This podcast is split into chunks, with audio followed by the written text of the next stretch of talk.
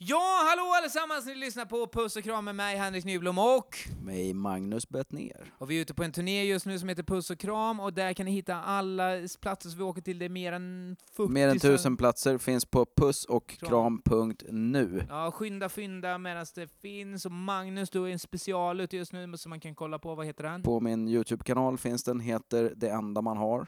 Den är helt fantastisk. Jag har sett den. In och kolla på den. Ni får inte missa den. Kolla på den tusen gånger. Jag har också en special Och den är också helt fantastisk. Och jag har kollat på den. Ja, du har sett den hur många gånger som helst. Du med? Jag har sett den två gånger. Ja, det är fan med mäktigt. In och kolla på den, den heter Stå för Henrik Nyblom, finns på Youtube.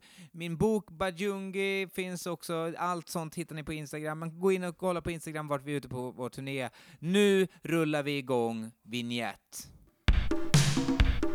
Puss och kram, oh, puss och kram, puss och kram, och puss, oh, puss och kram, puss och kram.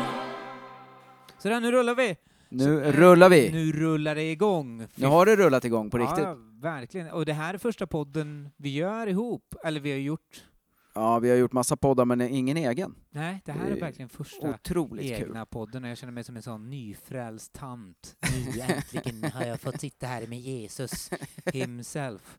Kan du berätta vart vi är någonstans? Vi är backstage i Mariestad på Stadshotellet. Det är därför det kanske slamrar lite i bakgrunden för att massa folk håller på och städar undan efter vårt... Ja, vi hade ju sån t-shirt-kanon, konfetti och du vet, avrättade ett får på scenen för guden Ganesha. Mm. Det Men- hade ju varit drömmen, men inte riktigt så kul är det tyvärr. Nej, det var Länsstyrelsen sa tydligen att man inte fick. Ja, Så att fick. Henke har nu med sig ett får Ja, i bilen. det är det vi ska åka runt med. Vi har döpt den till faktiskt Runar Sörgard heter fåret. Vi skulle ju offra Runar Sörgard på scenen, det var därför kom folk. Det är ingen som vet vem han är längre. Nej. Men fan, vi, det var ju fan riktigt jävla kul, jag måste få säga det. För att vi har ju precis, alltså för tio minuter, en kvart sedan, avslutat våran första provföreställning. ja, Som ändå känns som premiär i kroppen. precis kvarten innan så kände man så här, fuck, jag vet inte om jag har någonting att säga överhuvudtaget. Hur kommer den här publiken vara i Mariestad? Jag är ändå ifrån Slätta. Man tänker till så här, ja, de kan vara redo att vi egentligen skulle sätta upp ett hundsnät framför scenen för att skydda från flaskor och olika knogjärn. Ja men Men- det var lite fylla också, det var det ju. Ja, det var lite fylla. Men Det det, man gillar säga. man ibland. Nja, nja. Du, du kan ha lite svårt för det. Jag kan ha väldigt svårt för det med. Men eh, jag vill inte ha en helt nykter publik heller. Nej, ja, får jag välja på full eller helt nykter tar jag helt nykter alla dagar i veckan. Alltså. Ja. Men jag har inga problem, alltså jag kan hantera det lugnt. Ja. Men det sabbar flowet för mig. Det var ju liksom inte, det var inte så katastrofalt med det. Nej, nej. Men det var eh, skoj, det var ju skoj som fan, vilket jävla gig. Det var roligt som fan. Jag kände som sagt innan att man var typ så här, fan nu har jag ingenting. Man går igenom sådana små lappar man har i olika jackor som man har tagit med. Man bara säger fuck, kan det finnas någonting här? Är det något kul med fickor? Eftersom man står och rotar i fickor hela tiden. Men sen så när vi... Riktigt eh, trött spaning ändå. Ja, vad är grejen med Vad är fickor? grejen med dra han som uppfann dragkedjan? Han måste vara rik nu va? Ja. Vet du vad, det där med dragkedjan, vet du vad, det här kommer jag ihåg från skolan, jag vet inte om det är en lögn eller inte, att han som då kom på dragkedjan, som man också fick läsa, det var en snubbe, att han satt i kyrkan och så satt han och bad och så satt han och knäppte fingrarna fram och tillbaka, så, som när man ber, att han såg sina fingrar så och så kom han på dragkedjan. Det här fick jag lära mig när jag gick i lågstadiet och gå runt med det som, som att det är en sorts fakta. Jag tror att det här är otroligt icke-sant. Jag tror att det, ja, exakt, jag tror att det är sån hittepå låter mer som något man lär sig i söndagsskolan för att liksom rättfärdiga att eh, Ja, för när man ber sitta till... i kyrkan. Gu, Gud har hittat på, det är det det betyder liksom. Ja. Egentligen var det Gud som kom på blixtlåset. Ja. Han var bara 10 000 år för sen. Eller, eller att det var tvärtom. Han som så blixtlåser först och så kom han på hur han skulle be. du, eh, eh, vi kanske ska förklara lite snabbt vad det här är för någonting innan vi pratar för mycket om blixtlås. Det här är alltså Blixtlåspodden. Nej men det här är ju liksom, det är våran puss och kram-podd, den är liksom, vi är ute på turné nu ihop du och jag, vi gör väldigt mycket grejer tillsammans. Så Mm. varför inte då Och så rundar vi liksom av veckan med en podd. Ja. Som väl i och för sig då kommer starta veckan eftersom den kommer komma på tisdagar har vi bestämt. Men, Ja. men vi spelar in den eh, i slutet av veckan. Ja, verkligen On the Road, podd på riktigt. Mm. Så får ni veta hur livet är. Man dödar horor och skjuter heroin i ollonet. Och varför vi då kan säga sådana saker är för att vi är inte några jävla reklamhoror här. Nej, vi säljer inte ut oss i våran podd. Nej, det gör vi inte. Men däremot, Inte annars heller väl? nej, det gör vi verkligen inte. Men däremot så behöver vi Patreons.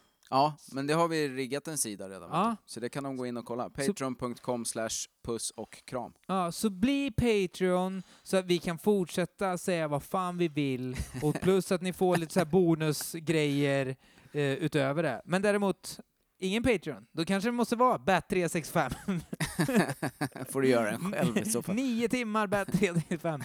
Och- Nej, men, eh, så, så, men den här podden är On the Road-podd och eh, först och främst, Magnus, hur är läget med dig som eh, egentligen poddar ska börja? Ska de?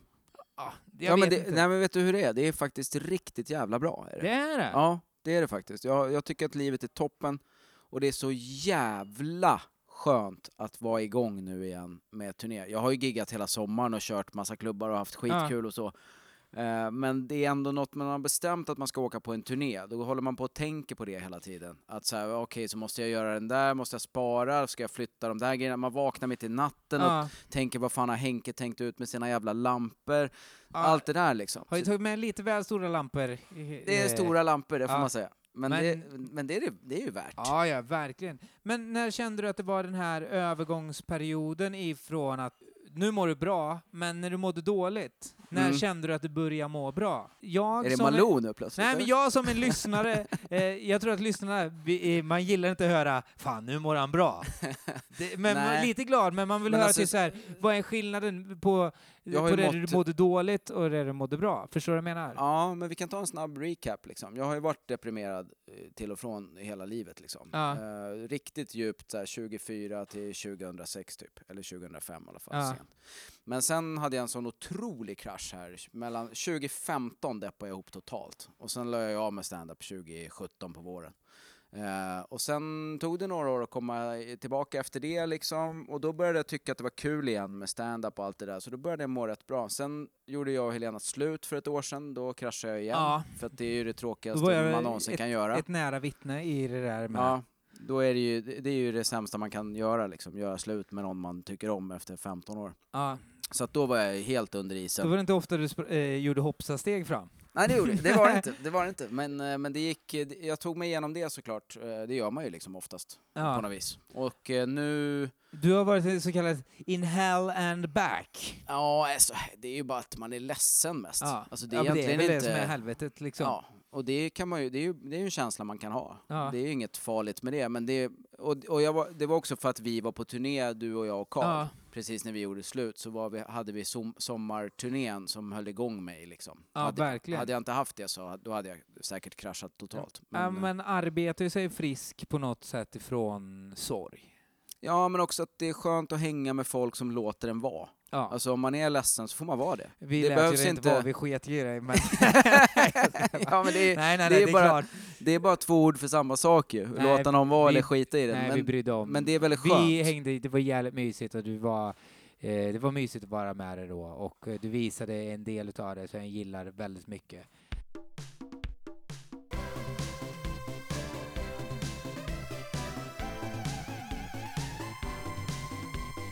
Nej men eh, för att backa tillbaks lite då, det här med, du gick ju i pension som du sa, du Mm. slutade eh, med det. Jag har haft en tanke det här med att gå i pension inom showbiz. Man inser rätt så snabbt att en superfans, de känner så här bara skönt, han slutar på topp. Förstår du vad jag menar? De bara så här, eh, så Lex Jakob Hellman, bara så här, fan vad skönt, hoppas han inte släpper en till skiva. Och så släpper så han släppte han samma skiva. Ja. eh, och de s- i branschen, de känner till så här, bra, då konkurrerar inte han om samma klubbar och sådana saker. Och de som hatar en känner bara, åh gött att bli av med den jäveln. Ja. Så att det svåra med att vara pensionär är att man, vi, för vi jobbar inom en bransch, kan man säga, som man inte egentligen är behövd. Mm. Förstår du vad jag menar? Ja, så så, så att det är svårt, man, man får ingen guldklocka av någon. man får ingen till så här avskedsfest, ingen ringer bara så här “Tjena, hur är läget? Ska vi göra pensionärsgrej? Ska vi gå Nej. ner och mata fåglarna?” Var det inget Men, som... men det var ju liksom att jag hade ju inte överlevt ett år till tror jag. Alltså på vägarna. Jag Nej. var, jag var så jävla, jävla, jävla trött på att åka på turné. Så att det går inte ens att fatta. Jag kan inte ens fatta själv hur trött jag var på det liksom. För Nej. att nu tycker jag bara att det är kul. Alltså nu tycker jag till och med att det är roligare än vad jag tyckte första fem åren liksom när jag körde. När allt är nytt och varenda hotell är nytt och det är till och med fortfarande kul att äta frukost på hotell och så. Ah, ja, Men så känns det nu. ja. Alltså nu är det, det är så jävla kul alltså. Jag gnäller ju en del hela tiden men det är ju min och det är ju default. default, Ja. mode liksom. Men jag tycker det är svinkul faktiskt och jag trivs bra med att resa runt. Och jag har- fått rätt bra rutin på hur man ska ta hand om sig så man mår lite bättre, eller så jag mår bättre. ja, liksom. du smörjer in dig i getblod varje morgon. Ja, och offrar ett spädbarn. Ja. Nej, men det är väl- svåra är att få tag på dem tidigt på morgonen. Man får Mm. gå på sån öppna förskolan och, och, och hitta Och någon. nalla Ja.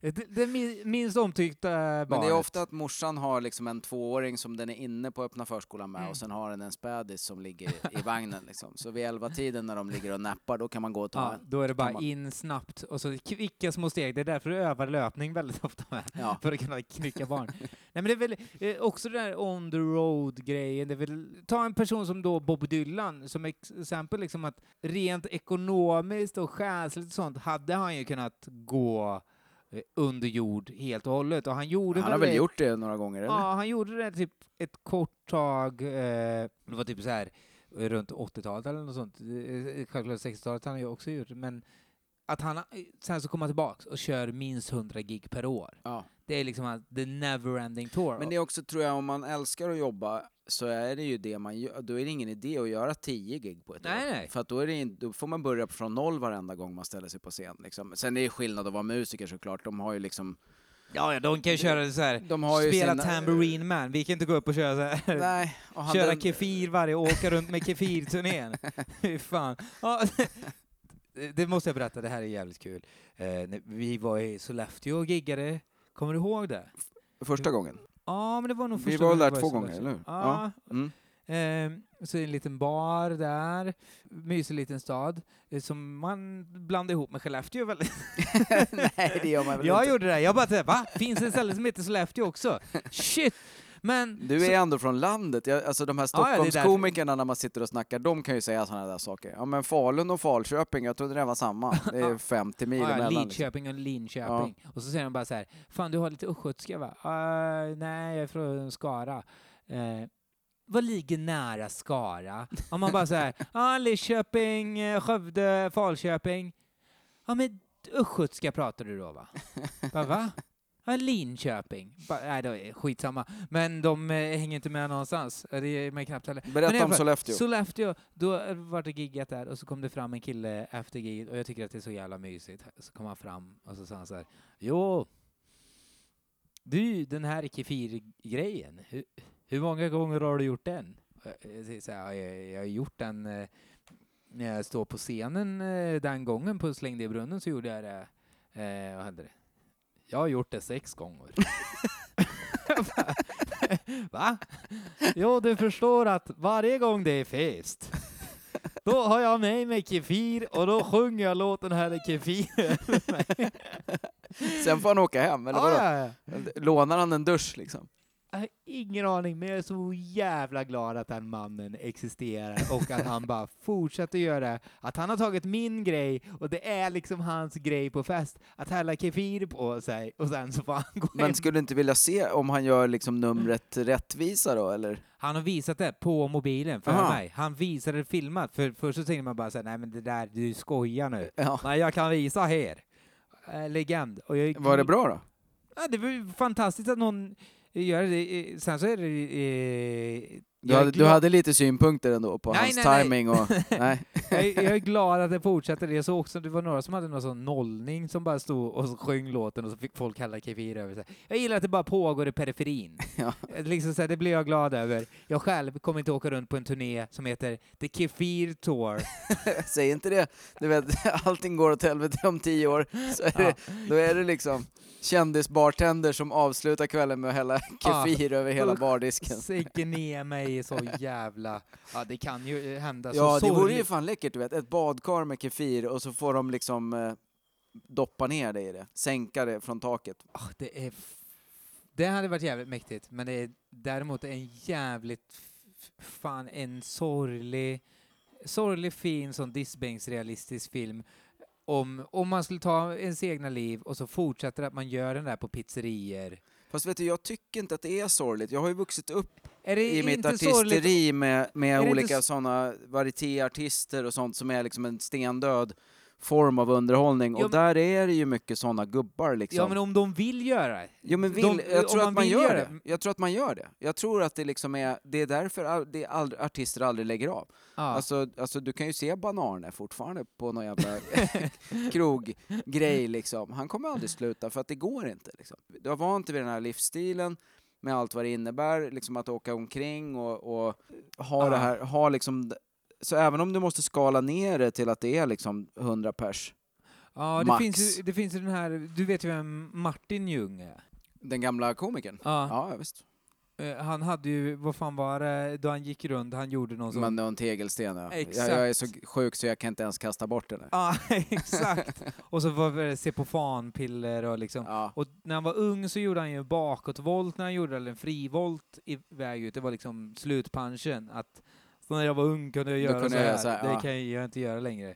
Och sen när han var äldre så fortsatte han göra den, fast han kunde inte göra en volt längre. Nej. Men jag tror att han bara gjorde en kullerbytta då. Ja. Istället för så här, nu kan du inte göra frivolten. Skriv ett annat nummer liksom. Exakt. Skrota den Martin. Men istället så... En sån urborrad tegelsten för att den riktigt var för tung och sånt. Men jag tror att det där är liksom, det är mänskligt att man, att man inte lägger av och jag, jag, jag tycker inte att det är sorgligt, jag tycker att det är fint istället. Nej, jag, jag, jag tycker att det är fint att fortsätta, verkligen. Men om jag inte hade velat köra kefirgrejen och tvinga mig själv att göra den och stå på en pizzeria, att bara säga, det Nej. här vill han inte göra. Jag tror att de som är kvar med ett visst nummer som de gör, då Ja. är det för att det är en, antingen så är, det, är de fortfarande så stora så att det kommer folk och vill se det Ja. numret. Men om de är mer det här liksom karriären har dippat, då är det för att det är det enda de kan. Ja. Det skulle vara liksom att hälla kefir på sig, det var din enda skill. då är det ju lite sorgligt. Att det, ja, också att Då är man ju liksom också- bara Robinson-Robban. Ja, och det är det enda publiken vill ha. De bara skiter i man berättar om sitt liv. Kefir, kefir, kefir. Häll, häll, häll. Att liksom så här, man hinner knappt börja med att prata, så här, fem minuter man berättar, man har fått liksom så här tumörer över hela kroppen som man berättar om. De bara häll, häll, häll, häll, häll. Ja, jag har inte lång tid kvar. Häll, skit i det där, för fan, häll det över dig. Nej, jag är svag för det där. Alltså, det är samma som eh, The Wrestler. Ja, eh, den gamla filmen med film. Mickey Rourke. Den är ju otroligt bra. Det är lite samma grej Jag liksom. kan se, man kan se det lite som The Wrestler, men man skulle vilja, på ett sätt, man skulle vilja att det gick ännu mer åt helvete för dig, så att du liksom, man vill liksom att du ska jobba i, Jag har alltså försökt få min dotter att se den för att hon ska förstå ja, hur, varför jag kommer sova i bilen man vill, när allt har gått åt helvete totalt. man vill Men- se det liksom så här. du ska jobba liksom deltid som, ja men vad jobbar han i? Delin? Ja, han jobbar i delen. Sen ska skär jobba han i ju delen. tummen av sig för att han tycker att det, livet är för trist. Ja. Liksom. Delin på Lidl ska du göra, eh, jobba, få bara deltid. Ja. Mindre än det. Du får jobba 30% där. Ja. Och så folk ska se bara så här, fan det är inte Betnér som står där och jobbar. Och resten är att jag är ute och kör stand-up Ja, som nu fast, fast bara på pizzerior. ja sån underground stand-up. Ja. Det är liksom så här, det är inte riktigt stand-up, det är mer open mic nice. Det kan vara någon som spelar flöjt från Och näsan. då berättar jag om när jag var på turné med Henrik Schyffert. Eller någonting. Ja, minns ni Schyffert då? Ja. Här visar bilder, du har med dig ett fotoalbum upp på scenen. Det är standupen. Du sitter bara och visar. Fotoalbum. Du, du frågar dem Finns först. det fortfarande? Har du det hemma? Ja, jag har, ju- med polaroidbilderna har jag lite fotoalbum och sånt. Jag hittade faktiskt mina gamla i, jag städade ur förrådet hemma i veckan, då Ja. hittade jag en hel flyttlåda. Vad fan är den här för någonting? Så bara öppnade jag. Gamla fotoalbum. Oj, fan nice. sparar den skiten för? Du slängde det väl inte? Nej, det får ju stå där. Ja, ja, ja, för fan. Vet du vad jag gör som är helt sjukt? Nej. Det här, nu. Det här, eh, kan, det här kommer till och med inte att vara Patreon-exklusivt, men jag kan berätta det. Ja. Jag köper ju sådana bilder, Mm. sådana eh, foton. Det här, Ja, ja, men det det, här har du ju. låter- Ja, det det här har, låter ju sinnessjukt, men jag köper ju, jag slänger, om det är barn på bilderna så slänger jag dem, men jag köper på Ebay. Varför slänger du barn? Ja, men jag kan inte ha bilder på barn hemma om De är ju folk... inte nakna, antar En del jag. är det. Ja, det får de ju inte vara. För då får, hamnar du i fängelse. Ja, du vet att... Ja, ja, du, ser jag bara barn så slänger jag dem med en gång. Eh, det är inte nakna barn, men det hade varit kul om det var. Men, eh, nej, men, så jag köper då, alltså, eh, det finns på Ebay att det så här, de har väl sån dödsbon och så tar dem och så gör jag collage utav det, klipper om dem. Mhm. Till exempel i, i boken så har jag lite sån skit. Ja. jag tycker att det är, liksom, det är fascinerande med dåligt tagna bilder och det är en insyn i den amerikanska världen på något sätt. Mm. Så jag kan tycka är helt fascinerande. Jag hade en idé om att jag skulle trycka upp det på tröjor. Så, du vet, så här, såna, såna tanter som varit på semester med sin gubbe och tar liksom svindåliga bilder. För att det finns så jävla gott om på eh, Google och sånt. Svinbra bilder. Söker på liksom så här Eiffel, Eiffel Tower så kommer Mm. det upp en bra bild på Eiffeltornet. Men däremot, du kan inte hitta kassa. Och kanske någon också, att någon står en bit ifrån och låtsas hålla Eiffeltornet mellan Ja. tummen och pekfingret. Det Ja. skulle vara kul om man såg. Ja, på ett bra... Eller Pisa, hålla emot. Nej, men, och då köper jag såna här bilder för att liksom, jag vet inte, ta sig ur algoritmen över hur en bild kan vara. Mm. Och där liksom fascination. Det är därför jag blir så glad när du berättar att du har fotoalbumen och jag blir nästan lite kåt att jag vill se dem. Ja, men du kan få se dem. Jag kan ta med dem eh, Gärna. när vi har något gig i någon stad där det inte händer någonting. Kan, vet du vad? Där har du så Patreon-grej. Kan du inte ta någon av de bilderna och lägga upp i Patreon? Jo, lätt. Ja, lätt. där. Nu har jag städat förrådet så nu kommer jag Ja. åt allting där Fy nere. Det är ju succé. Alltså. Vilken jävla ingång. Ni kan få se bilder från Magnus privata fotoalbum. Mm, när jag var 19 typ. Wow! Lär det sista var Åh, ifrån. fy Eller fan. Nej, det där är jag ju sugen. Jag är nästan sugen på att vi drar härifrån Mariestad, vi åker hem till dig, kollar det där fotoalbumet Och nu. runkar tillsammans. Fan, det känns som att du borde haft en septumring när du var 19. För din, Nej, många i din umgängeskrets hade det då? absolut inte. Ingen i min ung- umgänge. Jag var ju alltså fortfarande frireligiös Du när jag var var 19. det fortfarande Eller, 19? Jo, det var jag. När det var började gycklandet då? Ja, men lite efter det. Alltså 19, vad fan gjorde jag då? Då, hade jag, ja, men då var jag nog med i kyrkan fortfarande, Ja. aktivt liksom. Och sen var jag väl 20 då när jag började på lärarhögskolan, eller 20, 21 kanske. Hur halkade du in på själva liksom gycklandet? Var det på lärarhögskolan du halkade in Nej, på? det var innan. Eh, det var väl ett år innan typ som jag hade hört talas om något företag som sålde jongleringsbollar och så var de på någon idrottsmässa som jag var på. Ja, för Hobbex fanns inte på den tiden. Jo, det gjorde det väl också. Men då, var det här var, speciella de sålde jongler- bara jongleringsgrejer liksom. Aha. Och sådana jongleringsbollar med lite högre kvalitet liksom. Och sen som vanligt när jag får ett intresse, då gör jag bara det. Så att jag Ja, du lärde mig jonglera och sen blev jag svinbra på det på Mm. typ ett halvår. Och sen började jag jobba på det företaget. Ja. Eh, ja, ett jongleringsföretag. ja, en jongleringsaffär som låg i Vasastan. Kan du känna om det är bra jongleringsbollar? Ja, gud ja. Vad, vad, vad, gör en bra, vad gör en bra jongleringsboll? Eh, alltså det beror ju på vilken sort du ska ha, men just sådana där som man har när man börjar, då ska Ja. de ju väga typ ett hekto och så ska de För då vara tänker man de färgglada som är röd, Ja, gul, blå. de och klassiska grön. som fanns överallt på Ja. 90-talet liksom. Eller ja, sent 90-tal. Ja, lite sydda och så är det Ja. någon sand. Men de ska vara, det är linfrö i dem när de är riktigt bra. Ja. Eh, och så ska de Vad, vara... vad, vad, vad, gör att det blir bra när det är linfrö? Ja men de, de landar bra i handen liksom. Det ska inte vara någon risk att bollen slinker iväg när den väl har landat där liksom. Såna här, de ska vara dåliga på billiga- att rulla. ja men de ska också vara helt runda när de är, Mm. när de är i luften liksom. Sådana fladdriga som du köper på Teknikmagasinet, de Ja. är ju gjorda av något jävla sopigt material. Och så är de alldeles för lätta och så är de fyllda med något typ korksmulor eller något skit. De Ja. är assvåra att lära sig jonglera med liksom, för att de är kass. Men, eh, Fan, det här gillar man. Vet du vad det är? Sånt här gillar jag. Ja. Det här tycker jag är... Vi Att, kan prata jongleringsrekvisita i fyra timmar om du vill. Alltså, jag kunde fan allt om den nej, där men du vet, skiten. att, s- no, klipp till att någon eh, sitter, har hört det här och berättar på en fest och så visar någon upp jongleringsbollar och så tar de upp dem i handen och bara så här, de här är kassa. Och de bara så här, vadå? Nej, men jag vet att det ska vara linfrö. Bara så här, det är linfrö då. Skär de upp dem? Nej, är det sån kork? Men du kan, alltså jag tror att jag utan att överdriva har lärt över tusen pers att jonglera. Alltså. Åh jävlar. För att det var, jag jobbade ju bara med det liksom. Stod i den där butiken och så fick man åka ut till olika företag och hålla kurs. Oj. Och ibland kom det folk till butiken och så höll Fan, man man kurs. vilja- Ibland var man på någon skola liksom. Jag höll Man på skulle, med det man skulle år. vilja se det du vet, så här, i masterclass, att det är så här, Martin Scorsese, he teach you movies. I'm gonna tell you how to make the best movies of all time. You need to think about location, location, location. Steve Martin learns out comedy. Yeah, the thing with is like, you need the trestegsregel and everything. And you got Magnus Betnér, teaches out juggling. Oh, okej, det här är en linfröboll. Den hade man velat se. Ja.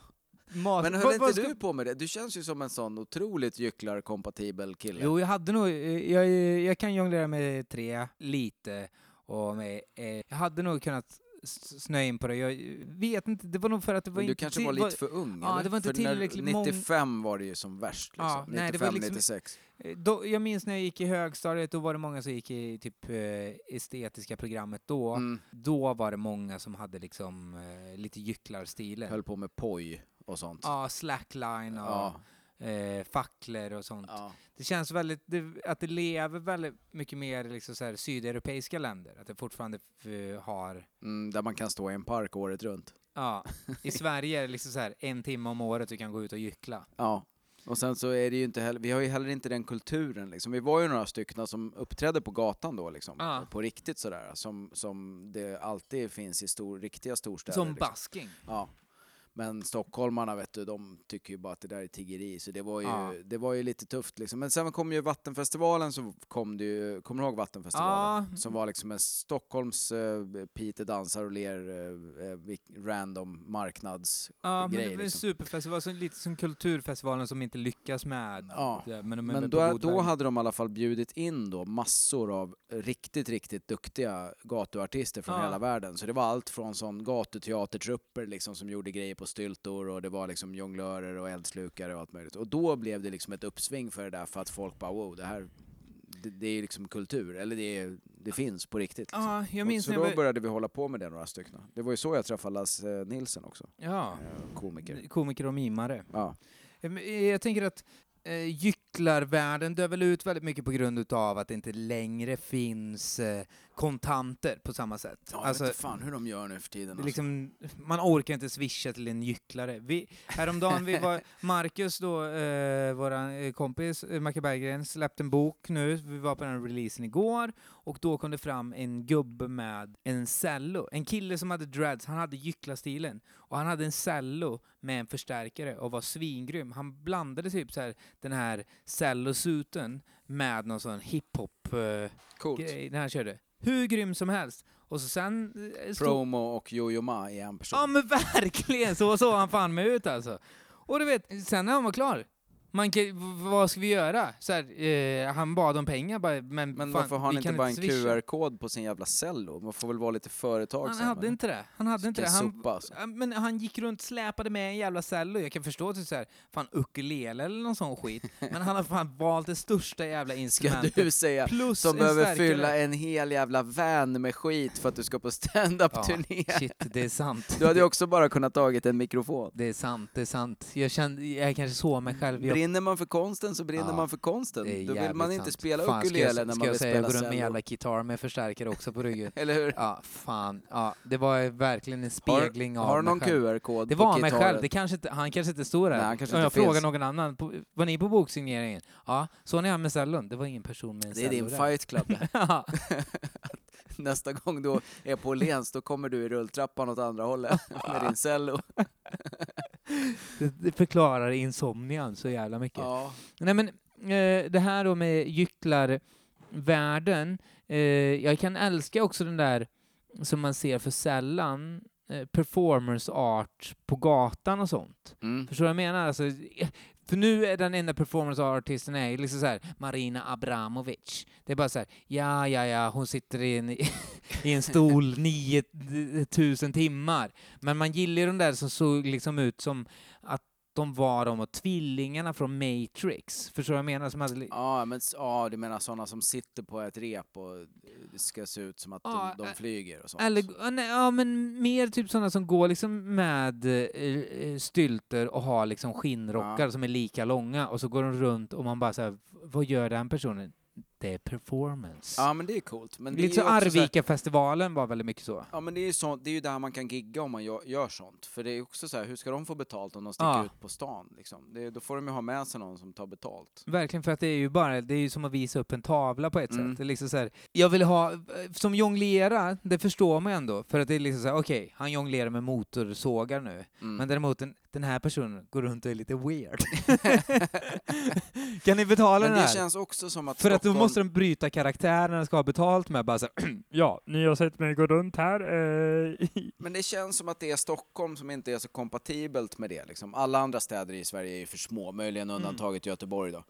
Men att det är lite så här, den här liksom nidbilden av svensk mentalitet, den är ju delvis sann. Liksom. Att vi helst inte pratar med folk och eh, har en egen fyra på tunnelbanan och sånt där. Det är ju lite sant. liksom. Ja, sen också att, nästan att hela, eh, vad heter det, inte strandskyddsområde, men nästan alltså att det finns en sån detaljplan. Mm. Nästan att eh, stadsbilden har detaljplanen som ute på i landet, att liksom, du får inte Ja, måla är huset rött. sjukt för så att- eh, du får ju liksom, när du du åker får ju- utomlands, Ja, men som i Stock jag, jag har ju också gjort gatuunderhållning i Europa, ute i Europa Ja. eh, en sommar liksom, för att jag ville testa på det lite.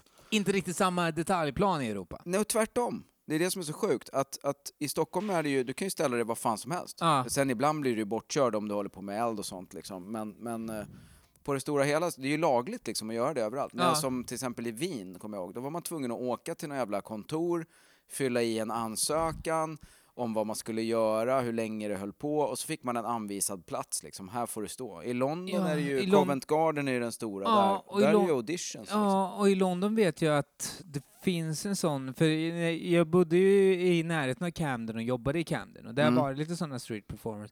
Men de var tvungna att röra på sig hela tiden. De fick aldrig stå stilla. Så att det är Nähä. många sådana som går med en akustisk gitarr och rör på sig samtidigt för att det är liksom gråzonen i Ja. I Sverige tror jag att, eh, detta är vad morsan har berättat, det var en sån snubbe på typ 60-70-talet som hade nästan den där trumman på ryggen och gick och spelade Ja, med sånt enmansband liksom. Ja. ja. Och han förändrade lagen i Sverige på att vi fick ha street För performers. att folk var så jävla trötta på att han gick under deras ja, balkong. du får stå på ett ställe, Ja. det är bra. Ställ han på Järntorget. Får jag kolla upp lite snabbt vad Ja, det får han du heter? verkligen göra. Eh, ja, här då. Den personen som jag tänker på är Don Patridge. En eh, eh, eh, engelsk gatumusikant då, som hade kommit i tio topp med sin hitlåt Blue Eyes och han turnerade runt om i Europa, bla bla bla bla bla bla bla. Men han började spela på gatorna igen i 70-talet och syntes ofta på Sergelgatans stråk. Han blev senare eh, även skälet till att en ny lag, Lex Patridge, skrev, vilket gav gatumusikanter rätt att spela på gator och torg i Sverige. Fan vad sjukt. Aldrig, aldrig hört talas om. Ja, här är fan Va, hur hamnade han i Sverige då? Ja. Du får ju inte kolla, du får ju gissa. Han hamnade, det är ingen aning. Det var kärleken antagligen. Ja, Han gifte sig och fick även tre barn i Sverige. Han var gift tre gånger, nej, två, fyra döttrar och två söner. Ja, ja. Men eh, då, Lex Patridge. Det är ju sjukt ju. Ja, det är mäktigt att en person då förändrade det där för att det skulle få fungera i Sverige. Så tack vare honom så fick du... Kunde jag sen stå på Järntorget och spru, Vad- spruta eld. Vad kunde man dra in en dag som en eldsprutare i Ja, Sverige? De bästa dagarna, det var ju under Vattenfestivalen. Då kunde man väl dra in två lax kanske. Ja, shit. På. Och på den tiden 900 000. Men en norm- ja, exakt. Då kunde man köpa en liten herrgård, Ja, inklusive tjänstefolk för de pengarna. Nej, men en normal dag så var det väl några hundralappar liksom. ja vi, kunde Men då fick man ju göra flera gig, alltså man gjorde ju inte bara ett. Man åkte ju inte in till stan och gjorde en show Nej. liksom, utan man körde ju tio shower i rad liksom. Kunde man spotta personer som, alltså, på det sättet att du kunde se den här. This is money. coming. Ja, när mormor och morfar kom och kollade, då visste man ju. Nu kommer det komma en hundring.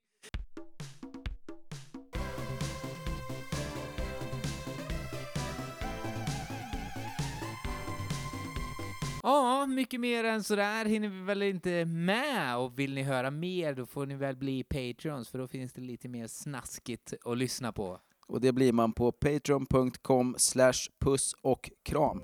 Ja, tack för att ni har lyssnat, sköt om er, ha det bra, Puss och kram. puss och kram, hej då!